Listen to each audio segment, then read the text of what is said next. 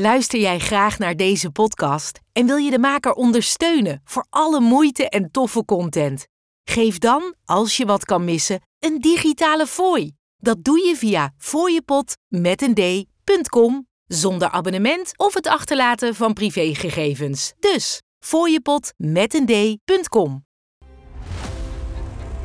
Dat er gewoon een instant oplossing is voor dat lastige gevoel. Dat je niet Ja. goed weet, wat moet ik hiermee? Wat voel ik nou? Hoe werkt dat?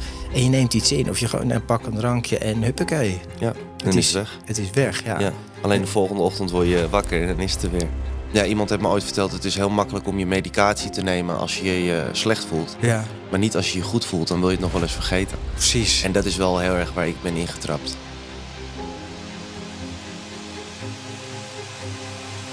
Lieve mensen, welkom bij een nieuwe aflevering van de podcast van Verslaving naar Vrijheid. Mijn naam is René van Kolm en fijn dat je kijkt en luistert.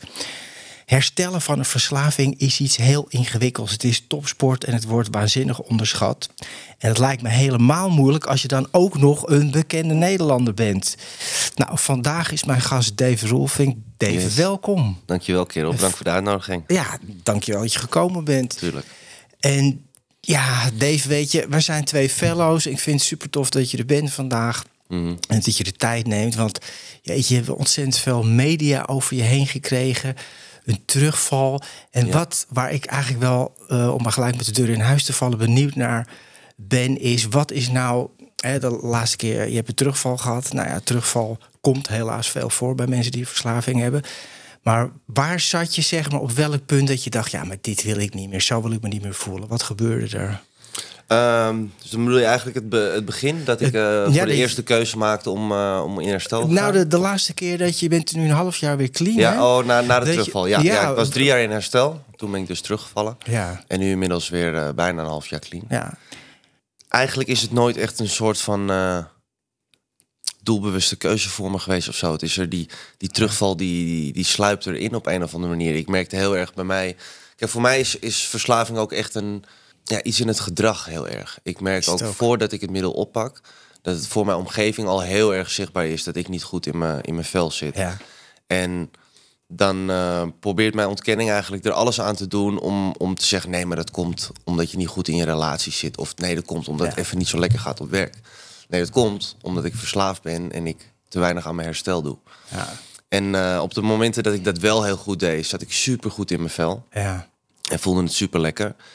En eh, ja, iemand heeft me ooit verteld: het is heel makkelijk om je medicatie te nemen als je je slecht voelt. ja, Maar niet als je je goed voelt, dan wil je het nog wel eens vergeten. precies. En dat is wel heel erg waar ik ben ingetrapt. ja, zo is het eigenlijk gegaan. Nou, Ja. de- nou, dat is goed dat je het vertelt, want dat is nou juist iets wat ik heel veel tegenkom bij fellows en, en ook naasten van mensen met een verslaving die dat onderschatten. Als je dan denkt van hé, hey, het gaat goed, dan heb je de neiging, is logisch, om er eigenlijk minder aan te doen. Ja, Maar dat is natuurlijk een fout, want dan moet je dus, het is goed gegaan omdat je een aantal dingen hebt gedaan, dan moet je die blijven doen. Maar ja, ja, ja het is een, een, een denkfout, en, maar vooral denk ik ook ontkenning. Ik denk dat we dat.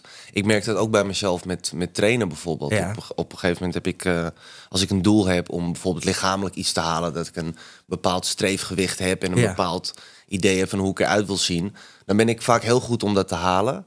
En op het moment dat ik dat dan haal, dan denk ik van nou, nou, nou zit het er en dan gaat het nooit meer weg en dan hoef ik er nooit meer wat aan te doen of zo, weet je wel. Dan zo'n soort eh, ja, kronkel komt er dan. Dat je denkt van nou, ik heb het gehaald en, en laat maar. En dat, dat merkte ik ook heel erg in, in herstel. Dat ik dacht van ja, goed Ja. gedaan jongen. Je, bent- je voelt je weer goed, je bent er weer, weet je wel. Je ja. kan jezelf weer aankijken. Nou, we gaan nou weer eh, doen Ja. wat, wat we al die tijd al deden, weet je wel. Het is zo, zoiets geks als je dat niet bewust in de gaten houdt. Nou ja, precies wat je zegt.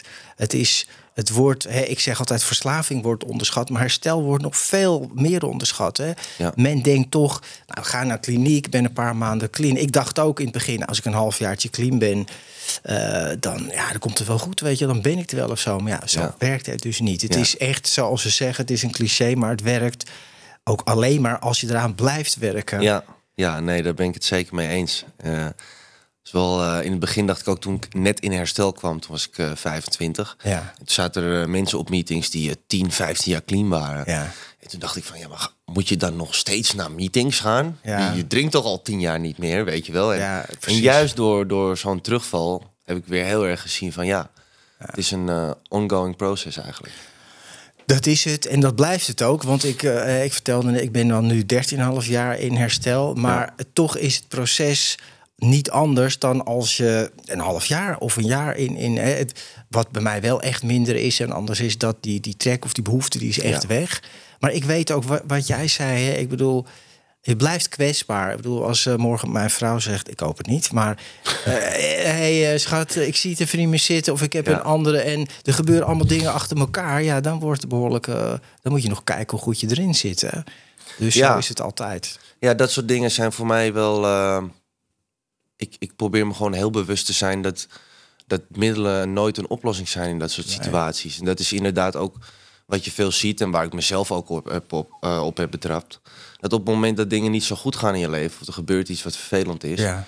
dat je dan de neiging hebt om eigenlijk te vluchten, om te gaan verdoven. Ja. Maar het is nooit een oplossing. Uiteindelijk moet je het, moet je het toch aan gaan kijken. Ja. En dan kan je het beter maar meteen doen.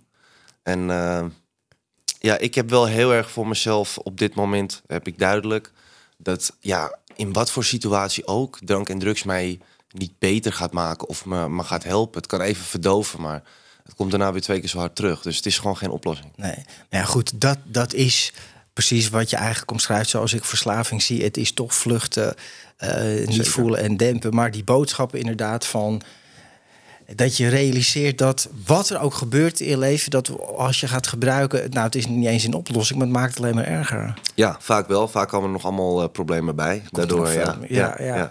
Hey, als we nou teruggaan naar jouw geschiedenis, hè, ik mhm. eh, ben wel benieuwd hoe, waar is dat nou bij jou zeg maar begonnen, zover je uh, weet. Wat voor jongen was jij vroeger, zeg maar, toen je echt opgroeide? Ik ben een heel gevoelig mens. Ja, ik ben iemand die ja, heel gevoelig is.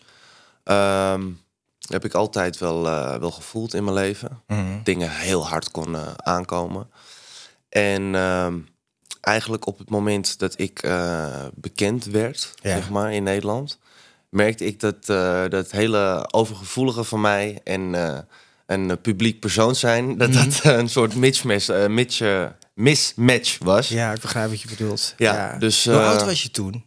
Ik was toen, toen dat echt allemaal een beetje begon, was ik 16, 17. Ja, maar dan ben je toch gewoon nog. Ben je, eigenlijk, je bent geen kind, maar je bent ook geen volwassen meer. Nee, zeker niet. Nee, zeker ook als ik daarop terugkijk. En uh, ik, heb daar, ik heb daar heel veel moeite altijd mee gehad. Mm. Vooral de, de gevoeligheid in, in mij en uh, het omgaan met gevoel en emotie op een gezonde manier.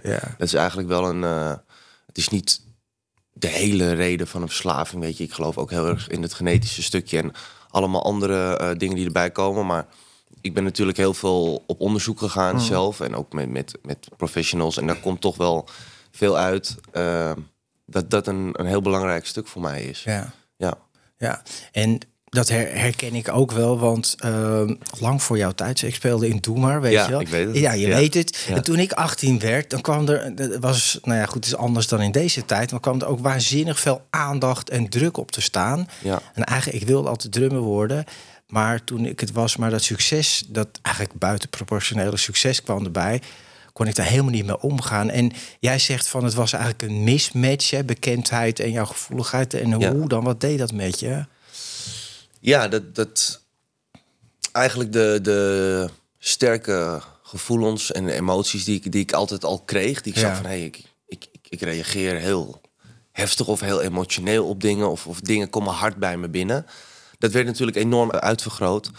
Op het moment dat je dat niet meer alleen in je naaste omgeving ervaart, mhm. maar dat je een soort uh, gevoel hebt dat heel het land dingen van je vindt. Ja. In plaats van uh, de 20, 30 mensen die, in je leven hebben. Ja, in één keer miljoenen mensen die daar wat van gingen vinden. En ook uh, heel negatief, mensen die er heel, heel negatief over mij oordeelden. Dus ja, dat werd in één keer veel groter nog. En eigenlijk in die, die tussentijd nooit echt iets gedaan om te kijken van... hé, hey, ik voel dat ik heel gevoelig ben. Misschien moet ik, moet ik daar iets mee. Misschien moet, ja, ik, uh, ja. moet ik daar hulp bij zoeken. Of ja, ja je, was 16 jaar. Ik denk, het zal me allemaal wel. Ik gooi er een kuiltje in en dan is het weg. Ja. Weet je wel? Ja. Nou ja, maar dat wat jij nu zegt, hè, dat je ontdekt... en zo heb ik het ook ontdekt, en denk veel mensen...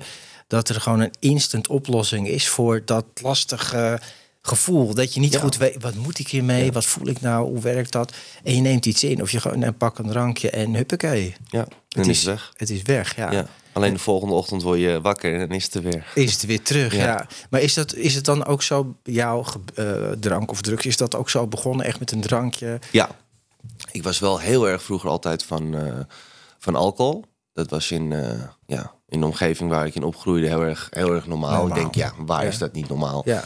Weet je, maar echt eh, goed doorzuipen in het weekend, dat was helemaal geen raar Ja. gedrag. Er werd ook nooit over nagedacht. dat- Nee, nee, het was gewoon, weet je, ging met je vrienden naar de kroeg en je ging helemaal toten los en dat was gewoon oké. Ehm, en ik vond eigenlijk, eh, harddrugs was bij onze groep helemaal niet geaccepteerd. Hm. Dat was wel echt iets voor dat, waar we een beetje op neerkeken, weet je. Dat was echt voor de junkies, weet je, de uitgemergelde mensen op de straat. En, Mhm.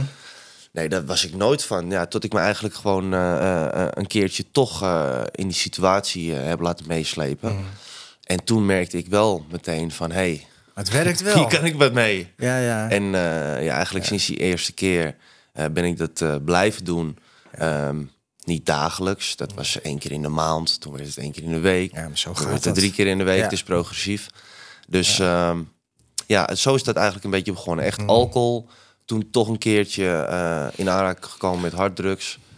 En eh, de rest is geschiedenis. Ja, ja, maar zo gaat het natuurlijk wel, hè? Ja. En die ene keer dat je dat ontdekt, dat zo'n middel eigenlijk gewoon werkt zoals je eigenlijk... eh, we weten, er is eigenlijk geen medicatie voor verslaving. Ja. Maar dit is eigenlijk een soort medicatie voor het leven. Hè? Inderdaad, die middelen die je dan neemt. Want ik herken het, maar ja, ik hoor het eigenlijk bij iedereen. Toch dat niet kunnen omgaan met die gevoelens en die gevoeligheid. En ook niet weten hoe je daarmee om moet gaan. En Bert, kom jij... eh, nou, je vader is natuurlijk ook een bekende Nederlander. Had je daar nog een soort van... Vond je dat lastig of vond je dat wel, wel fijn? Ehm, nee, ja, mensen vragen wel eens, had je liever een onbekende vader gehad? Ik, maar mijn vader is bekend sinds ik eh, kan denken. Ja, Dus weet ehm, niet beter. ja. Ik weet niet beter, dus eh, in dat opzicht vind ik het moeilijk oordelen. Maar ik heb daar wel eh, moeilijke momenten in gehad, weet je Ja, wel. ja. Op, op het schoolplein, dat, eh, dat ouders iets zeiden over je vader of zo. Of dat je ehm, merkte dat je anders behandeld werd. Mhm. Ja. Ehm, soms, soms ook heel positief, weet je, dat je, dat je voorrang kreeg met iets. Maar vaak was het ook heel erg een soort van jaloezie die heerste. Bijvoorbeeld op een voetbalclub of zo, weet Ja, je wel. Dat ja, je dan alle ouders van andere kinderen uit. En dan had je, oh, die zoon van Dries Roelving, die zetten we wissel of zo, weet je wel. En Ja. dan- dat voelde ik wel heel erg. Een soort van afgunst, jalo- jaloezie, waar ik eigenlijk niks kan doen. En wat dan Nee, ja, gecreëerd was op een Ja. soort bekende vader. En dan, toen heb ik wel gehad dat ik van een voetbalclub ging switchen. En dat soort dingen maakte ik wel mee. Dat soort kleine dingen. Ja, en werd er bij jullie thuis, vraag ik altijd aan iedereen, eigenlijk gepraat over gevoelens? Ken jij dat? Of was dat niet Ehm, zo?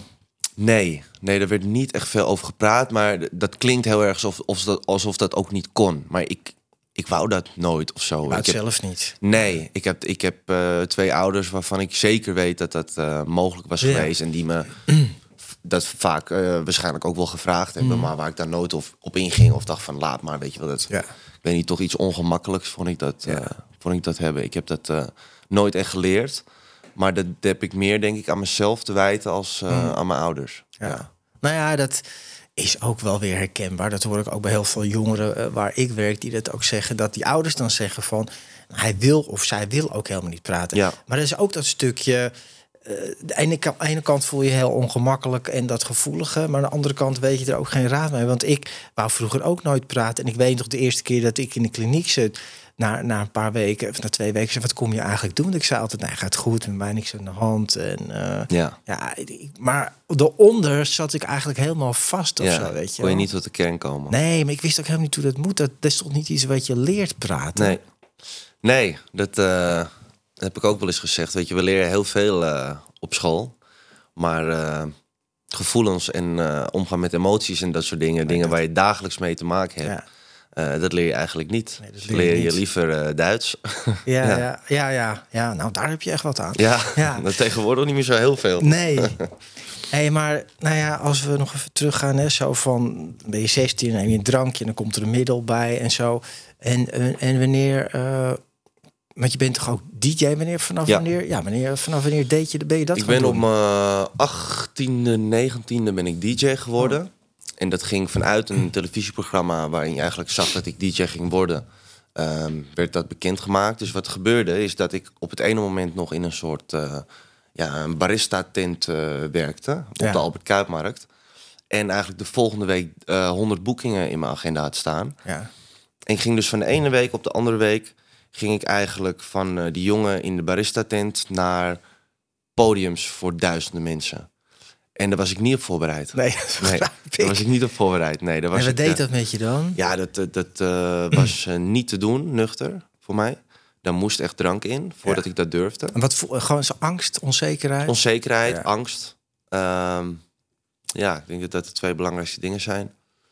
Ja, ik, eh, ik zag mezelf helemaal niet zo. Nee. En ja, dan kom je in één keer ergens aan waar mensen helemaal uit hun dak gaan en, en alles van je willen. En tussen zes beveiligingsmensen eh, podiums op moet om tussen de, de gillende meiden door te kunnen komen. En ja.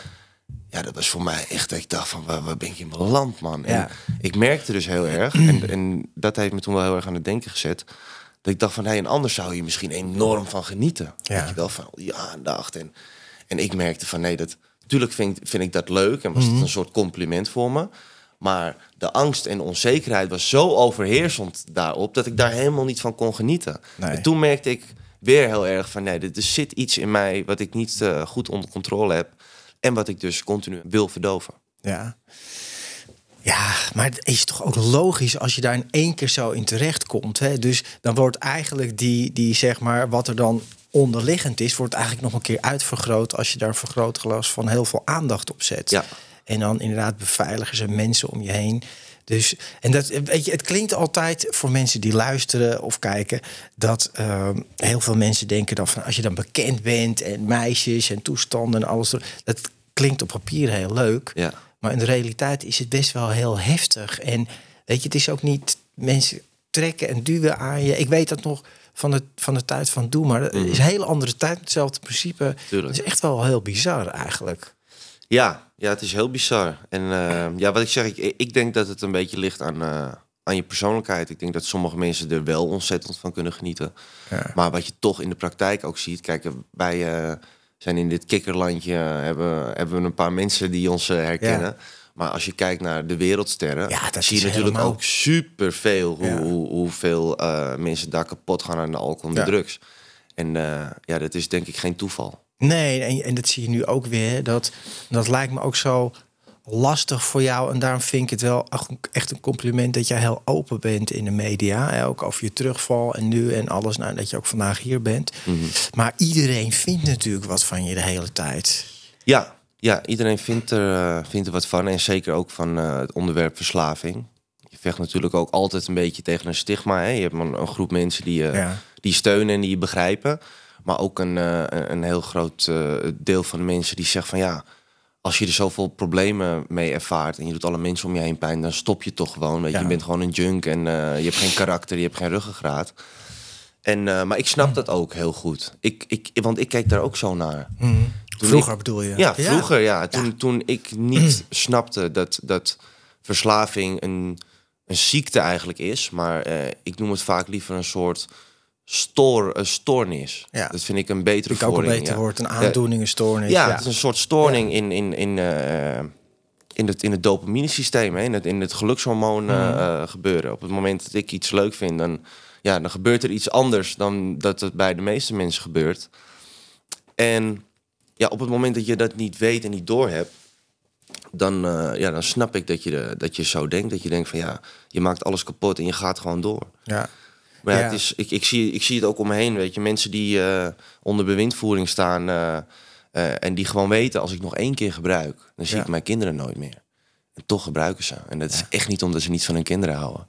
En dat laat mij zien hoe vreselijk sterk het is. Ja. Nou ja, dat is inderdaad het, dat is een goed punt. Maar zo is het inderdaad ook. Kijk, als, als natuurlijk mensen zeggen, ja, je moet gewoon stoppen en het zijn slappelingen en wat dan ook. Als, je dat zou, als wij dat zouden kunnen, dan hadden we dat al lang gedaan, toch? Ja. ja, ja maar dat is nou precies wat iemand met een verslaving niet lukt. Om die, die raakt die controle kwijt. Ja. En dan onderliggend precies wat jij zegt. En dat herken ik ook. En ik denk dat dat voor 99% van de mensen geldt. Die onderliggende gevoeligheid, onzekerheid of leeg, hoe je het ook wil noemen. Ja. En hoe zag jouw leven? Nou ja, je was dan 18 en dan gelijk, hup, bam, succes, boekingen, rammen, roze beuken, optreden, Ja. meisjes, alles.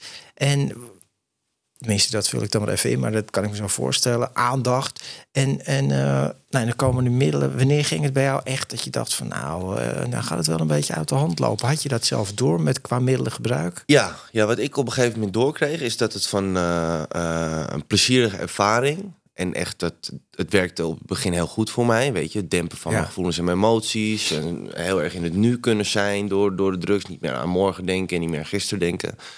En op een gegeven moment merkte ik dat het dingen kapot in mij ging maken. Dat ik in eh, eh, een soort eh, eh, psychotische toestanden kwam. En eh, ja, heel angstig ervan werd. En dat het eigenlijk heel erg tegen me ging werken. Dat juist, Ja, juist. Dat het juist een soort ehm, emotie en gevoel versterker werd. Ja. Dus op het moment dat ik heel bang was en ik ging de kook ingooien, Ja. ik alleen maar, alleen maar banger. En helemaal ik. para zat ik op de bank met Ja. beveiligingscamera's van mijn huis te luisteren. En dan dacht ik dat er, dat er mensen boven liepen. En dan rende ik naar boven en dan hoorde ik beneden weer wat. En, en toen dacht ik wel van wow, wat is er aan de hand? En daar heb ik heel veel angstige momenten in gehad. Eh, momenten die me misschien ook wel bijna het leven hebben kunnen kosten. Dat ik op drie hoog eh, half uit een raam hing... omdat ik dacht dat de mensen in de gang stonden... die mijn huis gingen bestormen. Ja, waanzinnige. En ik herken dat het echt van cocaïne is dat. Ja, hè? Ik heb ja. dat ook. Ja, jongen, je ziet ze echt vliegen. Ja. En dat soort situaties had ik. En toch zag ik dat ik doorging. Ja. En, dat toen bizar, dacht hè? ik van nou, dit Ja. is echt... eh, dit is heel heftig waar ik nu in zit. Dus je had wel, dan was wel een soort van erkenning van, hey, kijk, ik heb een verslaving. Dit is echt een probleem. Ja, nou, nou, zeg maar echt dat het, dat het. Ja, verslaving wist ik wel. Wat het inhouden, eh, wat verslaving echt inhoudt, wist ik niet op dat moment. Maar ik wist wel van, ja, ik heb het niet meer in de hand. Ik kan niet stoppen. Nee. Het, het lukt me niet om te Ondanks al die shit. Ondanks al het verdriet bij mijn ouders. ondanks al het verdriet bij, bij de hele familie. Ondanks alles wat ik kapot maakte. Ondanks al die vreemde momenten tijdens die, die, die trips. Hoe ging je vader daarmee om dan? Eh, eh, Ja, mijn vader is iemand die heel rustig is. Ehm, dus waar ik veel teleurstelling bij zag, wel ook veel angst. Die heeft me ook wel eens verteld dat hij eh, bijvoorbeeld dan dromen had dat hij op mijn eh, uitvaart stond te spreken. En dat soort dingen. Dus eh, ja, dat zijn dingen die je enorm raken. En mijn moeder is net als mij. Mijn moeder is een super emotioneel persoon.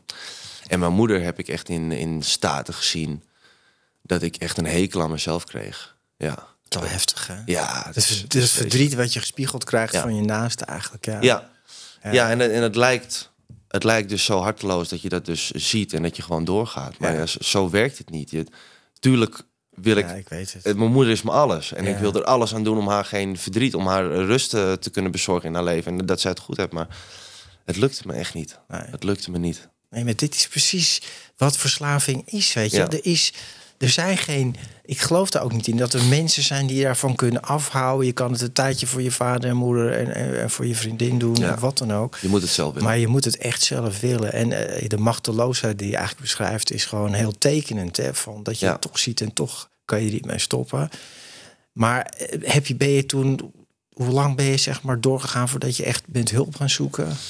Ik heb, ehm, denk ik, vanaf mijn 19e, 20e door mijn management, eh, toen Arnold Langeveld eh, Ja, toegewezen gekregen. Nou, toegewezen is Ja. een, eh, alsof ik daar verplicht heen moest. Maar die heeft me aan hem voorgesteld. Hij zei, Ja. ga daar eens heen. Die man heeft heel veel verstand, veel meegemaakt qua, qua verslaving. Ga er eens heen. En ik had zo'n mega klik met, met die gozer. ja leuk. En die heeft mij eigenlijk vanaf mijn twintigste tot de dag van vandaag... Ja, als, als, goed, als ik hè? niet goed in mijn vel zit of er is iets, ik bel altijd Arnold. En eh, ja, bij hem is het echt begonnen. Hij is wel echt... eh, Mooi. ja, hij is mijn begin geweest van, eh, van mijn herstel. En ehm, door hem ook uiteindelijk toch in, een paar jaar later voor het eerst in de kliniek terechtgekomen. Ja. Ja. ja, toch wel dat je dacht, het lukt me gewoon niet en ik moet er echt wat aan doen. Ja, Nee, ja, en, en ook die momenten dat je dan besluit van... Ik, ik denk dat het ook heel herkenbaar is voor mensen. Dat je denkt, oké, ik ga er nu wat aan doen. Dus, je bent high, je denkt, morgen ja. ga ik. En ik had een afspraak en je wordt 's morgens wakker. En je denkt, ja ik krijg de pest. Ja. Nee, maar ik kan het nou toch weer dat je het alleen kan. En eh, nou, mijn moeder weer helemaal in paniek. We zouden gaan. En eh, mijn moeder had Arnold opgebeld. En die zet hem op luidspreker en die gooit zo die telefoon naar me toe. Als een soort laatste hoop, een soort handgranaat richting Ja, mijn ja. kant. Ja, ik weet niet eens meer wat hij zei. hij zei drie zinnen tegen me. Ik zeg, oké, Harold, ik ga mijn schoenen aandoen. En eh, toen ben ik gegaan. Ja, goed. Ja. Ja, ja, ja. En wat, wat merkte je bij, eh, toen je voor het eerst in de kliniek kwam, was in het buitenland, hè? Nee, de eerste Of- keer was in Nederland. Ook eens in Ja, Nederland, ja. oké. En wat, wat ontdekte jij nou over jezelf, over verslaving, wat je nog niet wist? Eigenlijk kreeg ik heel erg de bevestiging. Dus van, van ehm, dat ik heel veel dingen aan het dempen ben. eh, wat ik heel, waar ik heel veel moeite mee heb om, om om te gaan. Dus eigenlijk de gevoelens en die emoties. Ja. Dat was voor mij een heel eh, een belangrijk punt. Een stukje lage eigenwaarde. Ehm, maar dus ook duidelijk voor mezelf in kunnen zien dat ik een, eh, ja, eigenlijk een soort eh, stoornis heb. Mhm. En ehm, dat op het moment dat ik die eerste oppak, dat ik geen, geen macht meer heb. Ja. Dat ik de macht uit handen geef. Ik, ik, ik vind het nog steeds wel een. Oh, zo, er gaan bijna de glazen door, de, uit. door het dak heen. Nee, ik vind het nog steeds wel een, de, de machteloosheid. ehm, waar, waar die nou begint, vind ik nog steeds wel een moeilijke. Mhm. Weet je, mensen zeggen, je bent eigenlijk altijd machteloos over verslaving. Ik denk wel heel erg dat als je de juiste dingen doet, dat je jezelf altijd voor die eerste kan behoeden. Eens. Ehm, ja, ben ik met je maar eens. op het moment dat die erin gaat, Ja, dan ben je weg. dan Ja. neem ik alle risico's. Ja. Dan, dan, Ja. Dan is het niet meer aan mij wat er gebeurt. Nee. En dat is eigenlijk super beangstigend dat je die stap elke keer neemt. Ja. Ja, Ja, maar dat is, dat is het. Het blijft natuurlijk toch een fenomeen. Daarom heb ik ook deze podcast hè, om daar eh, eigenlijk in alle diepte en lengte over te praten. Dat, dat is gewoon het verschil tussen wat wij hebben en andere mensen. Eh, ik kan ook niet die, die eerste dan gooi, het is een, je gooit een kwartje in een automaat en, en eh, ja, zo is het. En ik ben gewoon niet meer René. Er gebeurt iets in me en eh, ja, ik ga gewoon, weet je wel, alles. Ik weet dat ik alles wat ik nu opgebouwd heb in de jaren, vergooi ik gewoon in, in, in eigenlijk in een split second. Ja. Zo, en dan denk je, ja, dat is nou ja, waanzin, hè? zo noemen ze het ook. Maar je wordt echt, er gaat iets gebeuren. Het is best moeilijk te beschrijven wat het dan is, Ja. maar gewoon je hele systeem. En je kan niet meer stoppen en je weet dat het niet kan en toch Ja. blijf je het doen. Maar ik vind het ook wel bijzonder dat je zegt van, ik kwam er dan achter die lage eigenwaarde. Want ik kan me voorstellen, mensen die naar jou kijken, hè, die zien dan nou Dave en bekend en succes en het kan niet op.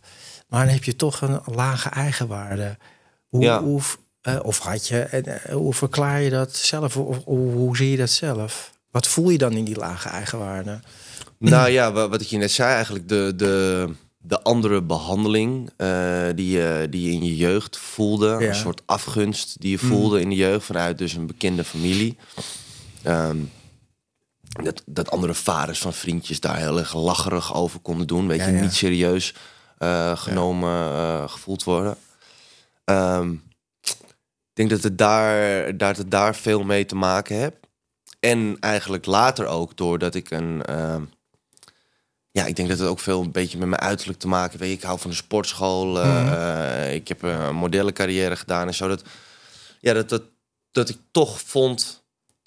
ehm, hoe serieus gaan mensen het nemen als ze mij zien dat ik zeg: ik ben een hele gevoelige en onzekere jongen. Ja, ja. Terwijl denk, je aan ja, de buitenkant Maar dat is wel, dat is echt wat het, wa- wat het, wat het geloof- was en wat het nog steeds is. En ja. ja, dan denken mensen. Ik weet niet, ik, voel, ik vond dat gewoon. eh, ik denk, ik word niet gehoord. En dat is allemaal. Het speelt zich allemaal hier af. Hè. Ja. Het is allemaal maar eh, Nou ja, een gedachte die ik had. En uiteindelijk eh, ja, kon ik gewoon niet meer anders. En moest ik gewoon met mijn gevoel op tafel. Ja. Ja. Nou ja, ik denk dat je wel gelijk hebt. Ook je zegt, ik word niet gehoord. Mensen zien natuurlijk ook alleen jouw buitenkant. En daarom vind ik het wel goed dat je dit soort dingen ook hier juist wel vertelt. Ja. Want ja, weet je, iedereen die je ziet op televisie of wat dan ook, maar jij bent gewoon jij. En van binnen ben je niet anders dan een ander mens. En heb je dezelfde dingen waar je mee worstelt. Ja, ja en het was, het was natuurlijk ook, ik denk dat het misschien een beetje een mannending is, maar dat het ook een soort van eh, zwakte was. Weet je, dat ik denk van nou laat die mensen ook maar een beetje dat beeld houden van eh, oh, dat gaat goed met hem en die ziet er goed uit Ja, en die traint veel en eh, die... En als je dan moet gaan vertellen, ja jongens, ik ben een hele gevoelige, onzekere jongen. dat vond, voelde ook niet top, weet je wel. Ja, En dat is denk ik heel erg de leeftijd geweest altijd. Ik, eh, ik word volgende maand word ik, word ik 30.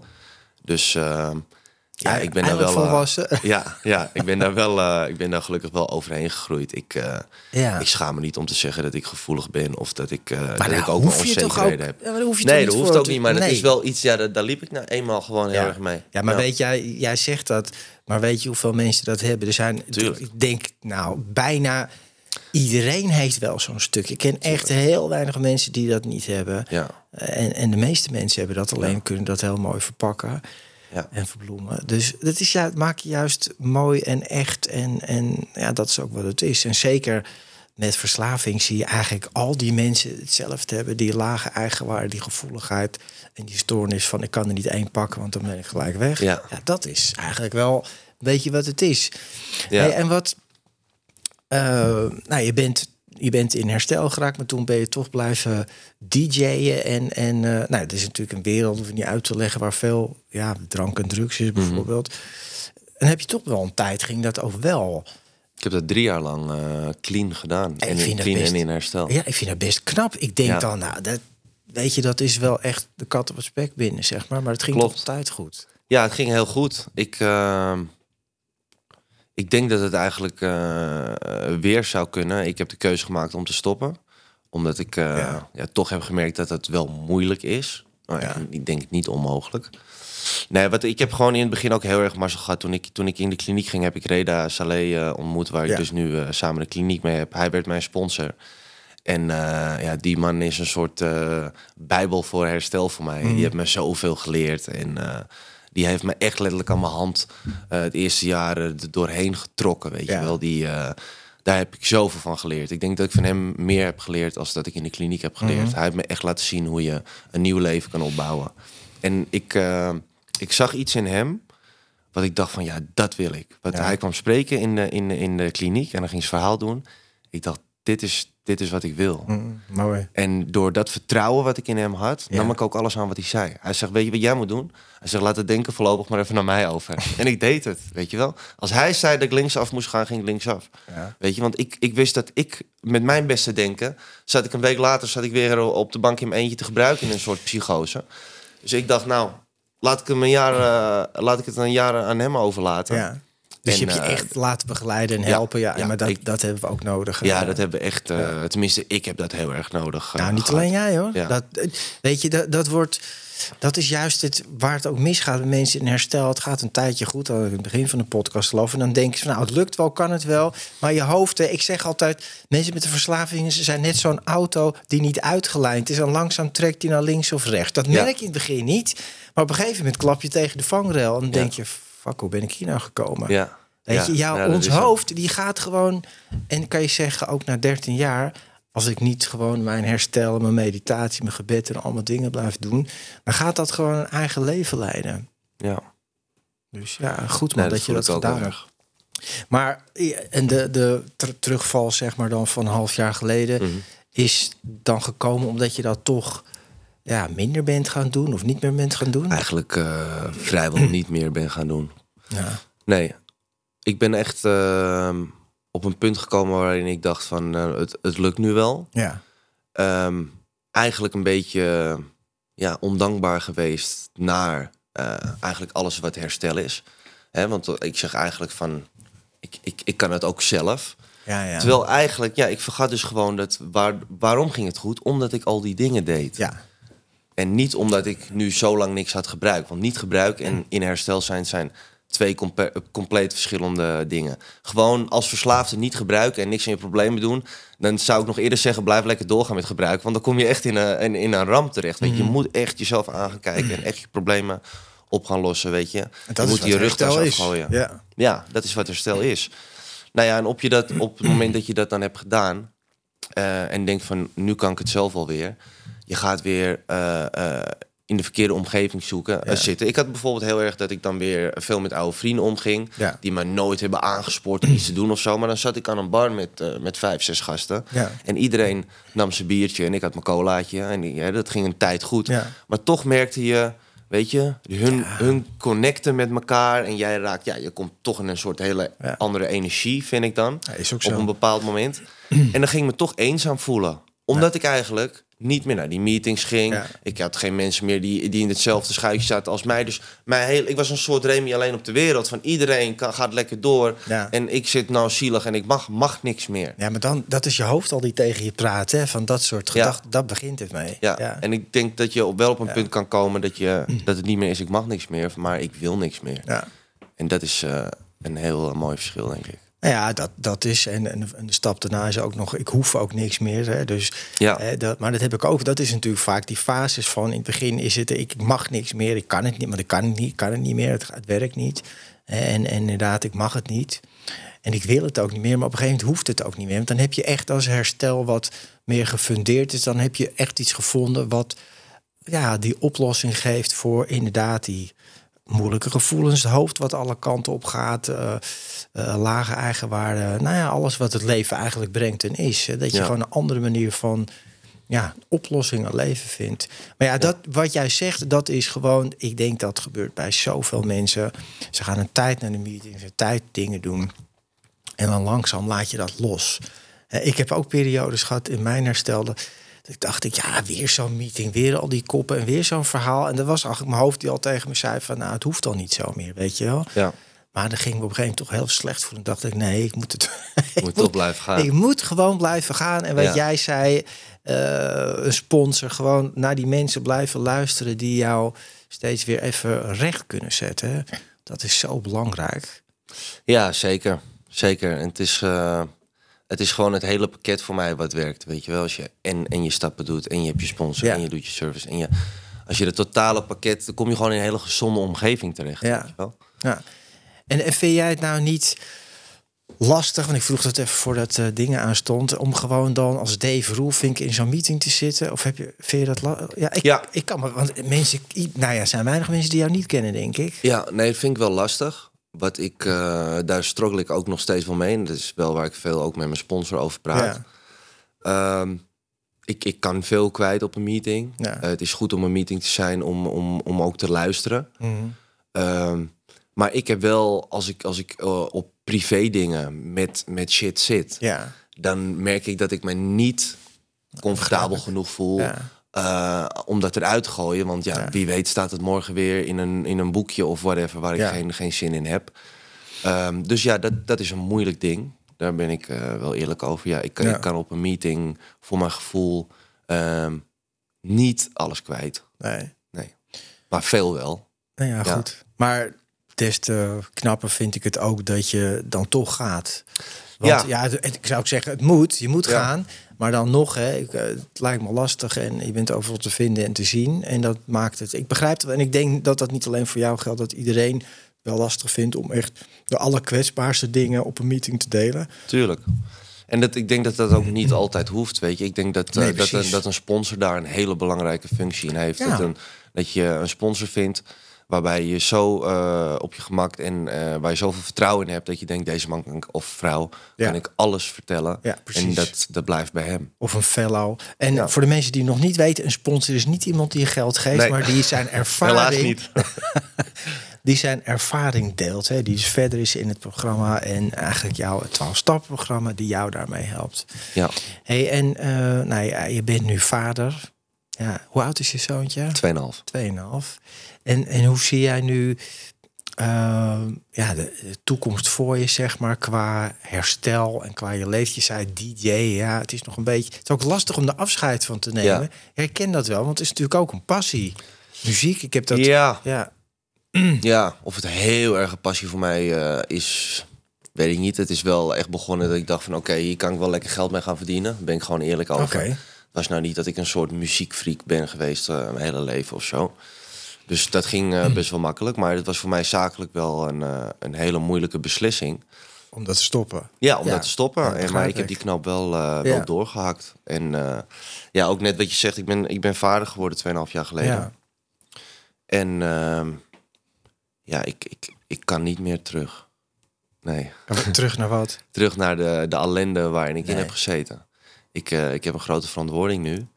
En die, eh, die wil ik nemen. Ja. En ehm, ik, eh, ik heb ook wel een bepaalde zelfliefde gevonden waarin ik wel tegenwoordig kan zien wat mijn, mijn goede kwaliteiten zijn. En, en dat, ik, dat ik best een, een, een goed mens kan zijn. En dat wil ik gewoon eh, aan mijn kind kunnen geven. Ja, ja En- dat is belangrijk, ja. jongen. Ja. Ik weet heel goed wat ik hem, eh, en ja, wat ik hem niet wil laten zien en wat Ja. ik hem wel wil laten zien. En eh, ja, het allerbelangrijkste blijft wat je zegt, dat ik het echt eh, voor het grootste deel voor mezelf doe. Ja. Want ik, ja, ik wil het gewoon. Ik heb me zo slecht gevoeld. ik heb Ja, me zo ja, slecht het is verschrikkelijk. Oh, ja. ja. Ja. het is verschrikkelijk. Ja. En, en, eh, maar ja, goed, ik weet ook, ik had op een gegeven moment ook een zoontje. En nog steeds een zoon, gelukkig. Maar Ja. die, ik ben toch ook gaan gebruiken, ondanks dat hij er was. Weet je, dat is het. Dat, ja, dat houdt je ook niet tegen. Dat houdt je ook niet in herstel. Nee, als je het alleen maar voor je kind doet, dan, Ja. eh, dan kan het niet. Nee, wat, wat, ik zeg, eh, hij is nu 2,5 en ik ben een half jaar geleden toch teruggevallen. Ja, Maar dat was wel een, een, een reden dat ik dacht van... Ik had eh, twee avonden eigenlijk gebruikt. ja, eh, los van elkaar. Het gebeurde Mhm. een keertje. Toen dacht ik van oké, wow, terugval. eh, ja. Heel goed over gesproken. We gaan door, weet je. Ja. Even weer het herstel pakken. En toen twee maanden later, later gebeurde het weer. ja, Nou, dat, dat kan dus iets zijn wat je door laat woekeren. ja. Maar ook omdat ik dus vader was Mhm. en dat ik dacht ik van, hé, hey, ik ga niet meer terug naar waar ik, waar ik toen zat. Ik ga dan maar weer met de billen bloot. Gooi Ja. me maar weer een kliniek in. Ja. Ik weet waarschijnlijk nog niet genoeg. Ik zit niet op het goede spoor. Ik ga wel weer terug. Ja, maar dat heb je wel, vind ik, dat vind ik echt, dat meen ik echt, dat heb je goed gedaan. Weet Ja. je hoeveel mensen terugvallen en daar jaren weer in blijven hangen? Precies. En dat wou ik Jaren. gewoon niet. Dat wou ik gewoon echt niet. Nee, nee, maar dat is, weet je, dat is dat je valt is één ding, maar dat je weer opstaat en eigenlijk heel snel, hè, na Ja. twee keer, dat is wel echt, eh, ja, dat is knap en dat laat ook zien dat je niet wil. Ja, zo weet je, elke terugval leert je eigenlijk van, ja, ik doe dus kennelijk nog iets niet helemaal goed. Er is iets wat ik over het hoofd zie. Ja, zeker. Ja, het zijn wel pijnlijke lessen. Het zijn pijnlijke lessen, maar... ehm, ja, kijk, ik, ik, ik pas altijd op met zeggen dat een, dat een terugval bij eh, herstel hoort. Ik vind dat... Hoort er dat- bij. Het Nee. hoort bij verslaving, vind Ja. ik. Als jij goed in je herstel zit en blijft zitten, is dat helemaal niet nodig. Ja, klopt. Maar ik, ik, ik zie wel wat het me weer heeft gegeven. ja, Eh, het heeft me weer... Ja, het heeft me weer veel meer inzichten gegeven. En het, ik denk dat ik weer ehm, veel beter eh, in mijn herstel sta. En weer veel waakzamer ben voor, voor valkuilen. Ja. Ja, en het gebeurt zoveel om me heen. Onderweg hierheen eh, eh, werd ik toevallig weer gebeld eh, Hm. door een vriend van me. Die zegt van ja, moet je wat vertellen? Twee dagen geleden is het weer misgegaan, Ja. weet je. ja. Heb ik ook nu een hele lange tijd. Het gebeurt continu. Continu. Ja. Ja. ja, dus die waakzaamheid is waanzinnig belangrijk. het, is het, jongen. het gaat zo snel, gaat zo snel mis. Hè? Ik bedoel, eh, dit is een, een statistisch eh, onderzocht ja, feit, zover ze dat kunnen onderzoeken, dat 60% van de mensen na een kliniek gewoon terugvalt. Ja. Eh, dus dat is veel meer dan de helft. Misschien zijn het er nog wel meer, omdat ze het gewoon ja, toch weer vergeten, te makkelijk overdenken. Ja. Wat jij zei. met- Onderschatten. Onderschatten, gewoon zwaar onderschatten. Toch met je vrienden. Ja, oké, ik kan dat wel, colaatje drinken. En, en dat lukt wel terwijl zij bier drinken. Ja, het lukt twee keer, maar de Ja. derde of de vierde keer gaat het toch knagen. Als je lang genoeg bij de kapper zit, hè, dan word je een keertje Dan geknipt. word je een keertje geknipt. Ja, Ja. ja, nou ja zo, zo is het dus. Ja. Zo is het ook. En hoe zie je nou de, de nabije toekomst voor jou? eh, hoe zie je, want ja, DJ is dan nou nu eventjes Mhm. niet meer. Wat, wat voor andere dingen ga je doen? eh, Nou, wat ik een hele bewuste keuze die ik nu al heb gemaakt, is eigenlijk na mijn terugval. Op het moment dat ik vertelde eh, dat ik weer in een kliniek had gezeten, dat ik een terugval heb gehad, kreeg ik daar weer zoveel eh, support over. Ja. Maar vooral zoveel hulpvragen. ja. dat ik wel echt heb besloten, weet je, dat, dat grote platform wat ik heb, waar honderdduizenden mensen op zitten, ga ik nou echt eens gebruiken Mooi. om eh, niet te vertellen wat je moet doen, maar om gewoon te laten zien van, hé, hey, ik ben nu teruggevallen. Kijk, dit doe ik, dit, doe ik, dit doe ik, dit doe ik. En lukt het me straks? Dan, ja, dan, dan kunnen mensen een beetje zo'n zo'n weg volgen. En kunnen ze er misschien dingen uitproberen die hun weer ook kunnen helpen.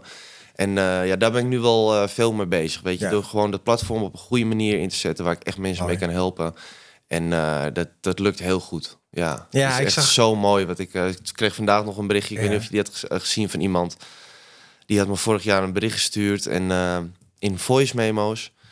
En die vertelde me ja, met, met, met een soort dooie stem. Weet je, ik, ik heb dit niet meer. Ik zal Mhm. inhoudelijk niet vertellen natuurlijk wat hij me zei allemaal. Maar zijn leven zag er niet goed uit op dat moment. En die stuurde me vandaag stuurde die me een bericht net hiervoor.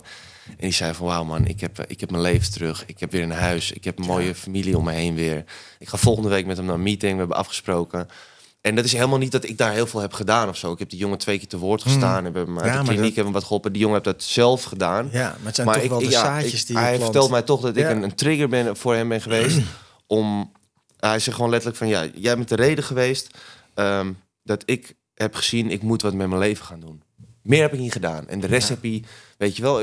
Dat ik dat, Ja. dat ik dat al heb kunnen geven... bij, al Ja. bij één iemand... Ja. Ja, dat, dat, dat vult mij ook van binnen, weet je wel. Dat doe ik voor anderen, maar ook een stuk voor mezelf. Tuurlijk. Dat, Ja. dat is... Ja, Waarom denk je dat ik hier zit? Ja. nee, maar, de- maar dat is toch mooi? Dat is ook die stap 12, dat je het doorgeeft. Tuurlijk. Maar dat is fantastisch, weet je. En, en daar, daar ben je ook een voorbeeld. En ik vind dat echt heel, nou, heel tof en ook moedig. En je weet zelf, denk ik, het probleem is gigantisch. Het wordt alleen maar extremer. Het wordt alleen maar jongeren. Jongeren van 13, 14, 15 al harddrugs gebruiken. Het wordt alleen maar gekker. Ja. Dus er is echt nog wel wat werk te verzetten. Zeker weten. Ja, er is, eh, is een hoop werk aan de winkel. En wat je zegt, er komen ook weer steeds nieuwe drugsoorten bij. Dan Nou, veranderen ze weer één, eh, één, één middeltje en dan is het weer eh, legaal en gewoon online te bestellen. Ja, zo is het. En dat zal Dus, nog wel eh, zo ja. blijven. Ja. Maar ja, Dave, jongen, ik wil je bedanken dat je hier eh, geweest bent en dit vertelt. En ik vind het echt mooi. En eh, nou ja, mensen, voor als je Dave nog niet volgt, niet omdat het toevallig ook een hele knappe gozer is, maar omdat hij in herstel is van zijn verslaving en daarmee een voorbeeld is voor vele anderen. Top. Dankjewel, Oké, jongen. Dankjewel. Dank voor de uitnodiging. Lieve mensen, dank jullie wel voor het kijken en het luisteren. Deel dit met andere mensen die, precies zoals Dave zegt, dit goed kunnen gebruiken als inspiratie voor hun herstel, voor hun verslaving. Je kan er echt uitkomen. En abonneer op het kanaal als je het nog niet gedaan hebt. En dan hoop je te zien bij een volgende aflevering. Dankjewel. Thanks man. Luister je graag naar deze podcast? Laat de maker weten dat je waardeert wat hij of zij doet en geef een digitale fooi. Dat kan zonder abonnement, snel en simpel via fooiepot.com. Fooiepot met een d.com